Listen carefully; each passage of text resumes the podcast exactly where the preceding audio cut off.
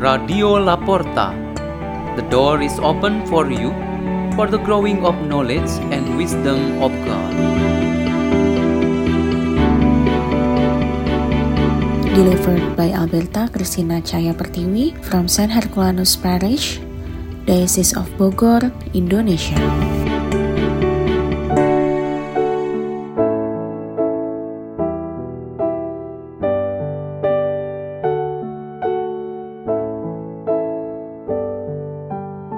Reading and meditation on the Word of God on Friday of the second week in Ordinary Time, January 20, 2023.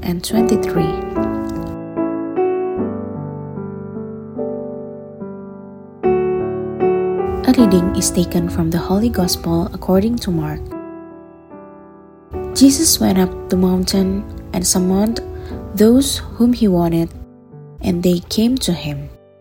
He appointed twelve whom he also named apostles, that they might be with him, and he might send them forth to preach, and to have authority to drive out demons. He appointed the twelve Simon, whom he named Peter, James, son of Zebedee, and John, the brother of James, whom he named Boanerges, that is, sons of thunder Andrew, Philip, Bartholomew, Matthew, Thomas, James the son of Alphaeus, Thaddeus, Simon the Canaanian, and Judas Iscariot who betrayed him.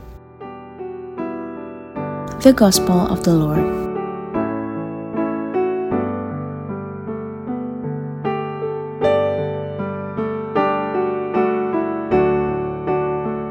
The theme for our meditation today is The Best Choice of God. There are so many chosen persons who fully dedicate their lives to the mission entrusted to them by the Lord. According to the letter to the Hebrews, God had made a big choice, namely to establish a new covenant in order to complete or perfect the old one, which is proved incomplete. Jesus Christ, our great high priest, was evidently present to mark the beginning of the new covenant. Jesus Christ had made certain important choices meant to continue his work in the world, and in particular, he acted directly on the election of his twelve apostles. His power and his secret will were the, the main conditions for doing these choices. If he had ever used some human motivations or intentions of this world, the choices made should be only in favor of favoritism, political or social power, discrimination, and hostility. God's choice is the best one because it follows the standard of holiness and perfection. His words addressed to the chosen people it is just like a young man says directly his intention to the girl he loves so much I love you. And then all his intention goes to her. The words receive work in such manner to convey a response, namely, a definite answer of the chosen people to God's invitation and appointment. A choice will lose its beauty and meaning if it's not stated directly to the person or persons intended. We were all made so special when this choice to each of us was sanctified by the holy baptism. It was indeed the sacrament of baptism that has consecrated us. The other sacraments that we receive provide opportunities for us to be purified we are indeed purified repeatedly through the sacraments of Eucharist and reconciliation, and also through our acts of love. These are the means through which God truly anoints and purifies us. God's choice is the best because those elected are filled with wisdom and power to uphold justice, truth, and goodness.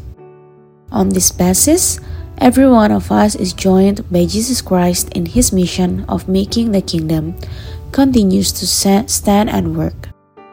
The church, after receiving the mandate, directly from Jesus, is obliged to assign us and accompany us with all supports. When they were anointed as person chosen, the apostles of Jesus were made qualified with all gifts of the Spirit, mostly needed for their missions. There was none of these gifts for doing violence or evil acts. We, the follower of Christ, are joined in this mission to be the peacemakers and the apostles of happiness. Oftentimes, only one evil deed can destroy all goodness that has been made and preserved. The Word of God today should become our light to help us always preserve in our calling. Let us continue with every initiative and creativity in supporting our calling in the following of Christ. In doing so, our faith will be stronger. Let's pray. In the name of the Father, and of the Son, and of the Holy Spirit. Amen. O Lord, God Almighty, fill us with the spirit of gratitude and generosity, so that we can serve you and our neighbors with generosity. Hail Mary, full of grace, the Lord is with thee. Blessed art thou among women, and blessed is the fruit of thy womb, Jesus. Holy Mary, Mother of God, pray for us sinners, now and at the hour of our death. Amen. In the name of the Father, and of the Son, and of the Holy Spirit. Amen. Radio La Porta. The door is open for you.